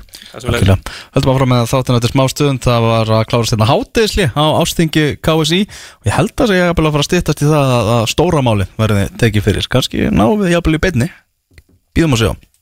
Já, já, ég skal segja ykkur það að fólk eins og fjöll Þetta er nýjasta lagi frá Sóma Alveg glænýtt bara beint úr hljóðveri Ég skal segja ykkur það. Fyrir þá sem ekki vita hvað það er þá er það hljómsundin sem að er spilum hér í hverjum einasta þætti sem að- Nánast, nánast. Nánast, sem að syngur Má ég gista? Já, það er enn. Má ég sofa hjá þér? Ég skal vera í öllum fötunum. Sko það er hérna endurkoma hjá þeim. Jú, jú. Og ég held að það verði endurkomu tónleikar í mæ eins og stefnan er núna sko Já, sem sagt september eins og það heitir á COVID-máli. Já, ja, býðum bara að sjá Já, við erum að sjá. Herruðu, það er háleikur 1-1 hjá Manchester City og Vestham í, í háleik Já, Mikael Antonio jafnaði miðun fyrir þetta frábæra vestamlið sem að heldur betur að gera sér líklegt í meistaradeildarbaróttinu öllum að sitja við þetta með miklu, með, miklu meira með boltan í fyrirháleik, miklu fyrir sendingar en þessi, þessi svakalega vestamvél sem að David Moyes er búin að smíða, uh, gefur ekkit eftir og ég segja þér hvað datt inn í ger við fengum þrjú viðtöl samþýtt á þremur dögum elvar. Ok. Við vorum með Gilva Mm. um, svo fengum við Andy Robertson sem ég spjallaði við í gær. Gaman að spjalla við Andy. Mm. uh, bróðum minn frá Skotlandi. Og ég er enda tilkynnti Andy Robertson í gær að við myndum sem þjóð halda með skotum á EM, en ég tók það eiginlega bara svona tók ákvörðum fyrir okkur. Ég heyri engi mótmáli Nei það ekki, Nei. nei, ég er sammála því sko. Herðu, svo fekk ég viðtalið. Sem ég var búin að reyna við einu svona áður á leiktíðinni. Fekk þá sinjun en ég fekk Já, núna. Bjarni Þór Viðarsson á miðjögundaginn kemur Mm. tekur viðtal við mannin sem hann kallaði í fimm ár Geffa. David Moyes. Nei. Þeir hittast á skjánum. Heyrðu, þetta skemmtilegt maður. Gekkja, sko, ég get ekki Ég myndi ekki Ég er alltaf sjálfur tekið viðtal einu sinni við David Moyes eitthvað 12 minúna viðtalinn út í út í Jóðellúsið þegar hann kom inn á uh, sp- hvað heitir þetta aftur, hann er business and football hann eða eitthvað? Á ráðstefnuna? Já, á ráðstefnuna Indislu gæði auðvitað með miklar íslastengingar en það var ekki annað hægt en að láta Bjarni að taka þetta viðtal við. Mannin sem að uh, hann lærði alltaf í fimm ár Já, ánægða með þetta. Já, meistar þetta móis, það er spurningin. Hvort það, hvort það verður raunin eftir, eftir tímabilið? Ég hann tekur punkt á móti þessu ótrúlega sittiliði. Hver allar að fara að efast um Moyes úr þessu sko mm Frábært liði sem hann er bara að setja saman. Aðri leikir dagsins. Vestbrom uh, á móti Brighton Svo er það Leeds á móti Jack Grealish uh, lausu liði Aston Villa. Já. Þannig að það er engin með hann í fantasy í. Júvel er þetta að fyndi með þetta fantasy dæmi Eh, Ógeðslega fyndið. Og auðvitað var það einhver stjörnu gufu rugglaður norðmaður sem búin að hakka sinna á akkantinu öllum. Já. Komst að því bara að, að, að allir Aston Villa menn voru bara að taka Grealish út úr liðið sínu. Já Og þá fór að leika út og há vissu hérna mæn ekki ykkur að vilja vera að spila þarna síðast að hérna að þá var ekki lestir jú að hérna þá var alveg vist að orðið vitað að það var engin, engin Jackrilis í liðinu. Þetta er orðið svo skrítin heimur sem við lifum í í dag sko ég eina bara ef komandi, ég ætla að vona að þetta veri rætt við Rói Kín bara við því snarast að því hann, hann getur ekki svona nýmóðins fótbolta sko. Nákvæmlega. Newcastle Wolves er í, í kvöld á morgun er síðan Kristal Palace Fulham hátegisleikurinn uh, og Leicester Arsenal einnig Leicester Arsenal aðleikurinn Hann flotti leikir í morgun. Já, Tottenham mætir Burnley og þar er Jói Berg ekki klár í, slægin ennþá. Nei, er komin einhver tímar á maður þannig? er sko jákvæmt sem Sjón Dæs sagði allavega ekki að er hann sagði það kemur á óvart ef Jói Berg verður í hópa á sunnudaginn þannig að hann svona basically sagði að hann er glæð vantalegu bara í leikinu á eftir sko Það eru góða fréttir, mástu, hvað eru, spjöldluðum við Arnar Viðars fyrir tveimur vingum síðan Já, Var það ekki? Mhm. Þá vorum við að segja bara, Arnar, það er alveg frábær stað á liðinu hér Það var náttúrulega Gilvi í dundugýr, Jói komin og lappir Mhm. og kannski svona mest og Aron Einar náttúrulega í, í, í flottum gýr sumulegis en svo einhvern veginn á einu auga bræði þá snýrist þetta alls saman sko. Já. Svona þannig séð sko. Já, en Jói ætti að vera klár í slægin fyrir marsleikina mikilvæg. Já. Uh, Chelsea mættir Manchester United klukkan 16.30 Já. í sannkvöldum reysaleika morgun. Sérstaklega gestur þar eh, verður Glenn Hoddle á Simin Sport, Eður Smári og, og Lógi Bergman alltaf fara með ykkur í gegnum uppbytun og postsjóðu þar, ég sé nú bara maður lýsa og svo er ég með völlir um kvöldið og, og lokaleikurinn hafa nú að Leopold Liverpool heimsækir Sheffield fyrir stálið. Já, þannig við fáum að heyra eins í, í Andy Robertson uh, uh, í, í vellinum sem leiðis á, á morgun þar sem að koma svona einhverju bútar úr, úr þessu spjalli mínu þar sem ég auðvitað það var rosalega þegar ég reyndi við reyndi að viðtölu Andy Robertson í fyrra á svipuðum tíma held ég og hérna gekk nú ekki þá. Svo fekk ég hann núna og þú veist að þetta er svo ótrúlega léttur og skemmtilegu gæi og opinn. En það var bara svo leiðilegt að, að maður hafði ekkert um að spurja hann um að leiðilega hluti að þeir eru bara að tapa hverjum leiknum og fætur öðru núna og hérna og náttúrulega eru allir meittir en hann var uh, svarað þess af gríðalegri famu sko en svo kannski hans var, hans var vonuvísa Nákvæmlega. Evertón Southampton er á mánudags kvöldi síðan. Uh, Meistarardeldin fyrirleikin er að baki? Úti sigrar, út um allt. Já, eða, já, sig- sigrar sigrar meistarardeldin til að spilu bara hér og þar. Já, ég er ánægð með svona þennan forsmæk af EM allstaðar sem við erum að fá sem að verður nú líklega bara EM á Englandi eða eitthvað. Hvað er endar þetta allt saman? Það er mjög góð spurning sko. Þetta hlýtur að vera í ykkur búblu í ykkur einu landi án áhorunda Þú veist, Það er bara, við getum ekki verið að meða við veist, Getum við verið að meða heiminn við Ísland? Veist, Er ekki staðan það slæm í þessum löndum að, að í mörgum af þessum löndum að það, við, við erum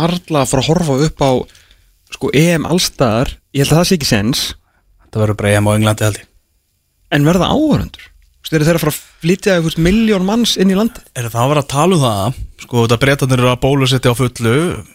Sam Allardyce kom með bólusetningu og svona. Auðvitað, á þetta hóp. Já og þeir er alltaf búið til eitthvað svona app þar sem að þú getur bara sínt bara ég er bólusettur eða með mótefni eða eitthvað þannig. Mhm.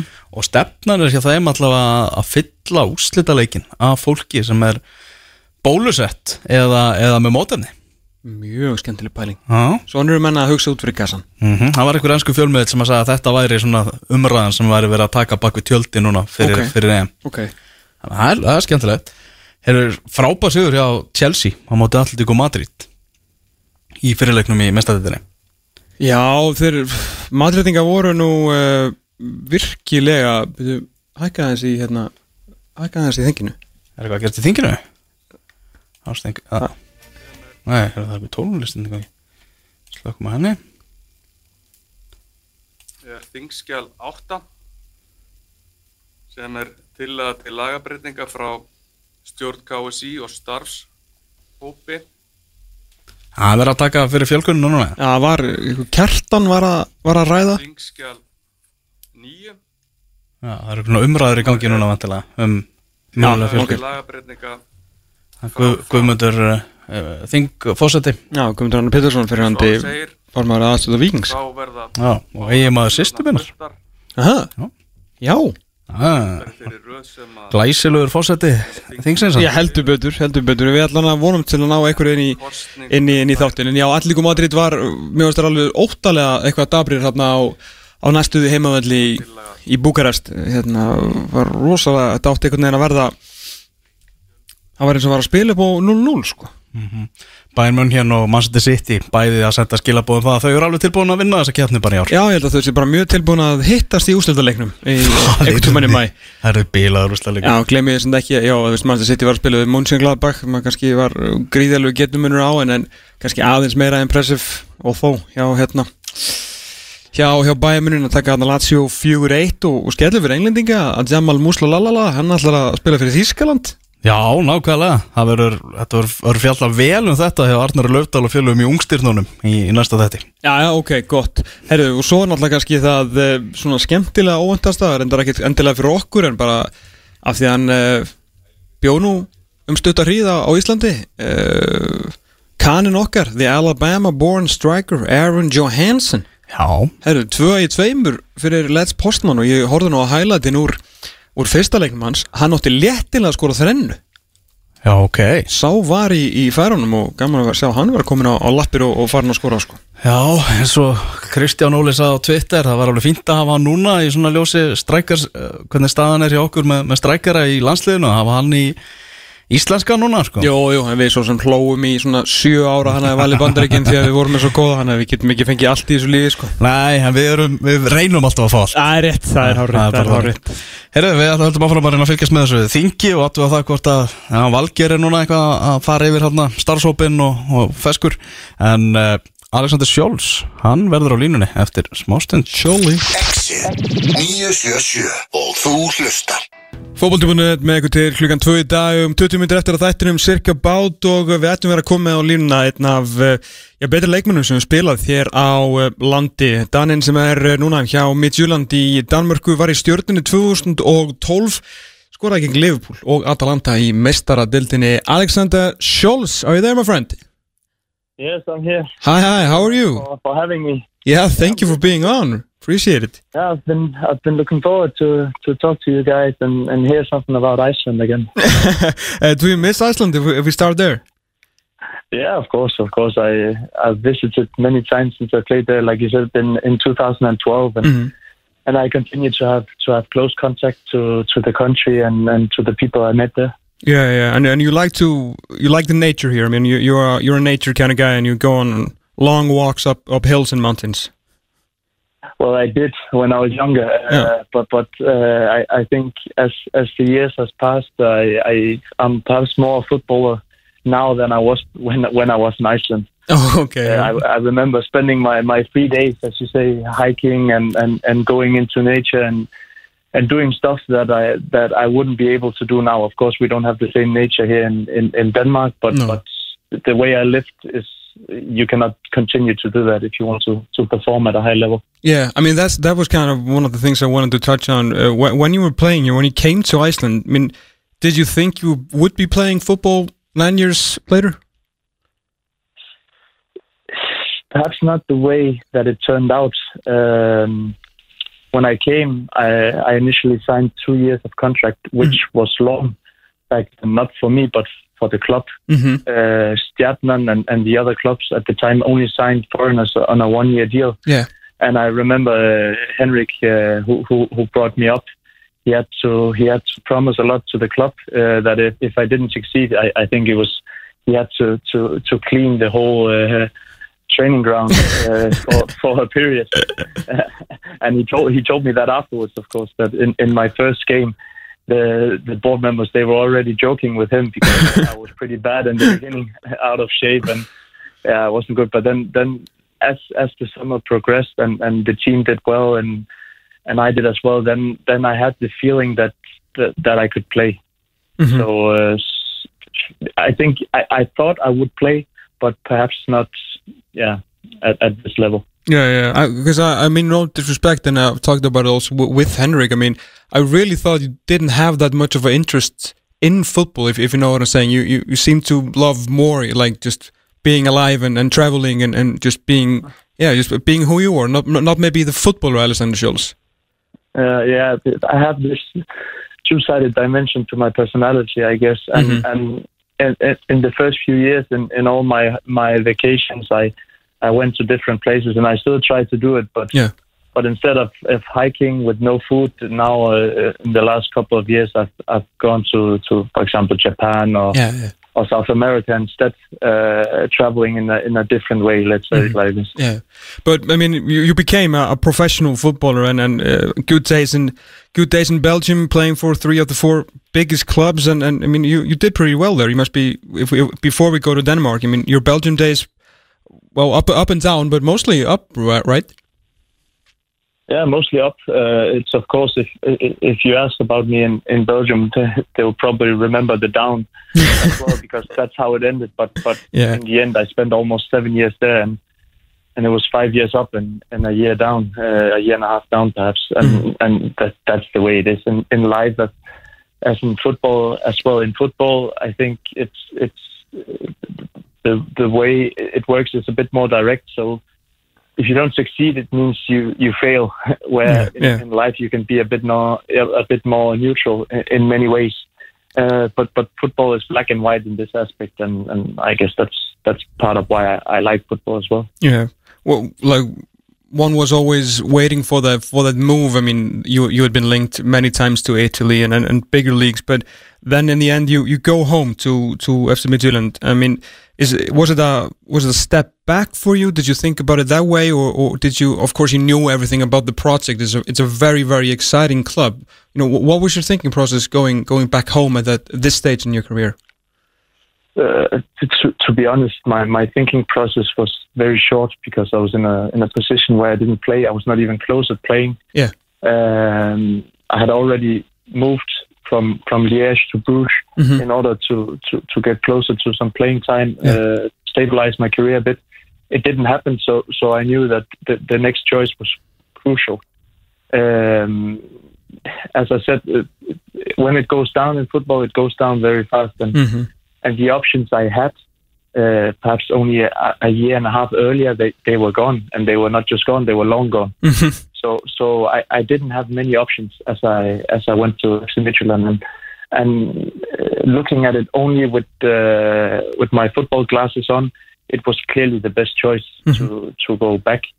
Um, then I've been lucky uh, many times in my career coming to clubs that were mo- that was moving uh, forward. I did it in, in. Mhm. I could have come to. I, I didn't know anything about Stjarnan, so I could have come to to a team fighting just to stay up. But I came to a to a team that was on its way to be champion. I Mhm. think it happened the, the year after. or- Yeah, two years later, yeah. after. Yeah, exactly. And and the, the same when I went to to Lokeren. Now Lokeren they, they went bankrupt. I, I think they're, they're they're playing in the fifth division or something. But when I came, it was a top four uh, club and playing uh, Europa League, uh, w- winning the cup twice. And, and the same thing happened with Midtjylland. That they had already become champion, but it was still a club moving forward. Uh, and and so, so I just joined in, and of course I've, I've progressed as well. But but in football, you need to be lucky also with the with the choices that you make and the, the options that you get. And and with the Midtjylland choice now playing playing Champions League a couple of months ago Mm-hmm.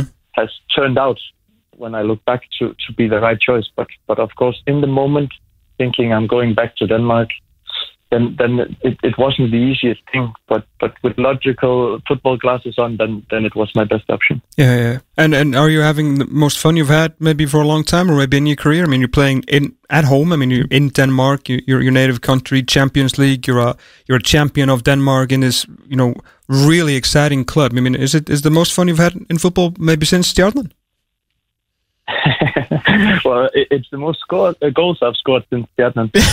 so uh, I guess it's fun to win games and, and score goals and, and, and, and play at a high level. Yeah. Uh, I I think it's my my most successful period uh, for sure. Um, is it the most fun? It's easier playing in your in your native country. Everything works. Is it fun when everything is easy? Yes and no. Yeah, yeah, I get it's you. perhaps not as challenging uh, as as it's been also in, in the down periods. Um, but but of course it's I, I like winning. I, I like to have a good time on the pitch. Uh, playing Champions League was fantastic. It's something that few people they, they get to experience. hmm Um, the way it happened, uh, we we came into the second qualification round, and and we had to beat some uh, beat some good teams in order to get there, which we did. And, Yeah. and then also in the group stages, the only thing missing uh, was perhaps the timing with with the corona and the fans. Uh, Mhm. otherwise, it it could have been even more amazing playing away uh, Anfield and and everything. But uh, but but all in all. Uh, to answer your question, I, I, yes, then it's the most fun I've had playing football, Yeah. except for my time in Iceland. Of course, of course. uh, do you watch your goal against Atalanta before you go to bed and when you wake up, or just when you wake up to get you in the mood? uh, I haven't watched it for many months, but yes, it's the, the first couple of days afterwards. Of course, we it, it was a nice feeling, also because it, it gave the, the, the club the first point. Uh, we had been close. We, we, we missed some chances, um, and of course, we, we, we missed some some quality as well. And then Mm-hmm. what you, what you have to remember about this game, and we talked about it actually now that the Champions League started again, and Atalanta they played Real Madrid Mm-hmm. they, they made a really good performance and Yeah. they could have gotten a point. And in this game where, where we played Atalanta, they were not through yet, so they still had something to play for. Mhm. And and we, we pulled off an, an amazing performance there. And of course, my my goal is something that I'll look at, perhaps not now because week to week we have other things to, to think about with games, but but in the in the future, Yeah. I will I will think about this goal. Yeah. Uh, there's a player who plays with you that uh, is uh, someone who we, is, is our guy, uh, Mikael Neville Anderson. Uh, I mean, Mm. we we've actually not seen a lot of him because you know he went. uh, Just, he's been in Denmark for a long time. He's played. Just we've seen him with with the under 21s. Uh, a couple of minutes uh, or so with, with the with the national team. I think you probably know more about him as a as a footballer than than us. I mean, can you tell us a little bit about him as a as a player? I mean, he, I know he's been in and out of the team, but you know, just his character and his and his skill. Yeah, he, he's a bit unorthodox in the Danish way Okay. uh, because he's he's very direct, uh, both as as a person and, and as a player. He he knows what he wants uh, and also what he, what he doesn't want. So I, he he came back when I was already at the club. He had been on loan for, for two seasons Mhm. and made a really great in, impact when he came back uh, with his physical presence. Uh, and he, he scored some important goals for us uh, in, in the beginning of the season, which in the end helped us secure the, the championship and, and way to, to Champions League. Uh, he, he, he has a lot of potential. I think he can play with his physical abilities. He can play in, in many leagues, uh, also at a high level. I, I, I see him with, with, as someone with, with great potential. Hmm. Uh, perhaps to, to his disadvantage, Midtjylland has progressed a lot. So Mm-hmm. uh, when he came, there was perhaps only a few players for, for his position, uh, whereas now the club uh, brought even more more players. That's why he's he's been in and out of the team. But it's someone I know the the, the club is still counting on, and and I'm counting on as well. Uh, I like him a lot as a as a person. Uh, he, I, I first of all, I like to have Icelanders Of course. uh, in my club because then they can bring uh, Nami to me Yeah. and they go home for the national team. So, yeah. yeah. so Well, really- what what what do they have to bring back? What's your favorite?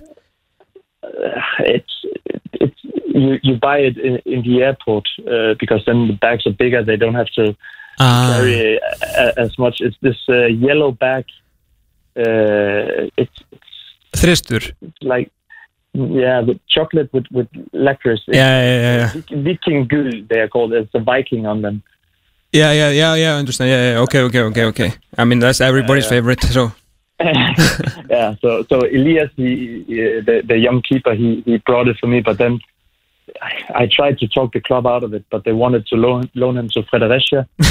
so so that's why I needed, uh, oh, I still need uh, Michael to be in the in the national team. Yeah. so he can deliver for me.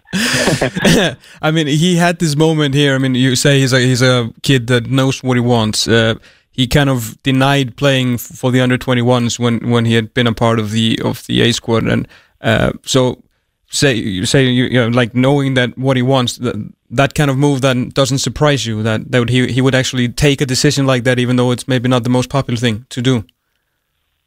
Yeah, I know it wasn't the most popular thing in Iceland, but at the time, uh, you have to remember that that he was he was fighting to play Champions League games. Yeah, yeah, So games at a really high level. yeah. Uh, and and as you mentioned, he had been in and out of the team. Mhm. And in and in this period, I, th- I think he came back from an injury or something as well.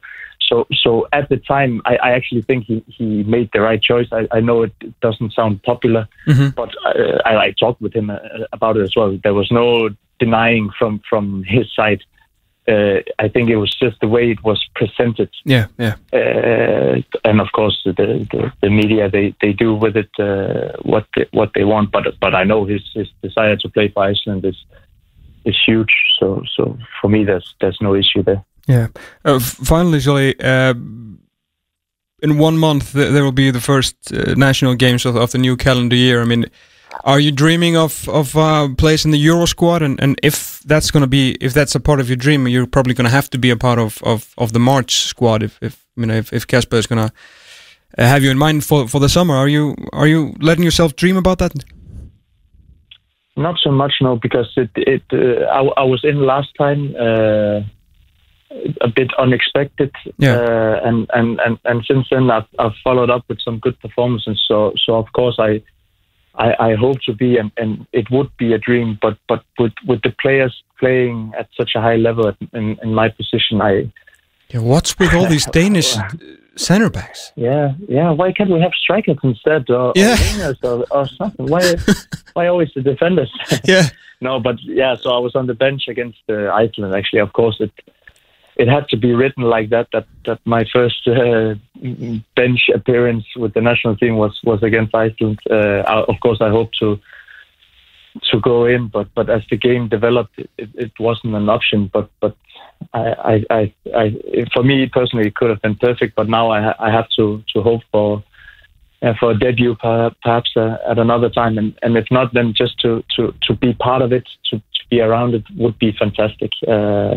and, and, and that's part of what I what I work for now in the spring. No doubt, uh, Shelley. Great to talk to you. Uh, and if you if you come to Iceland anytime soon, when the Corona is over, you, you're gonna have to come and, and visit us in studio and talk a bit more about your about your days in Iceland. Uh, I would love to. I would love to.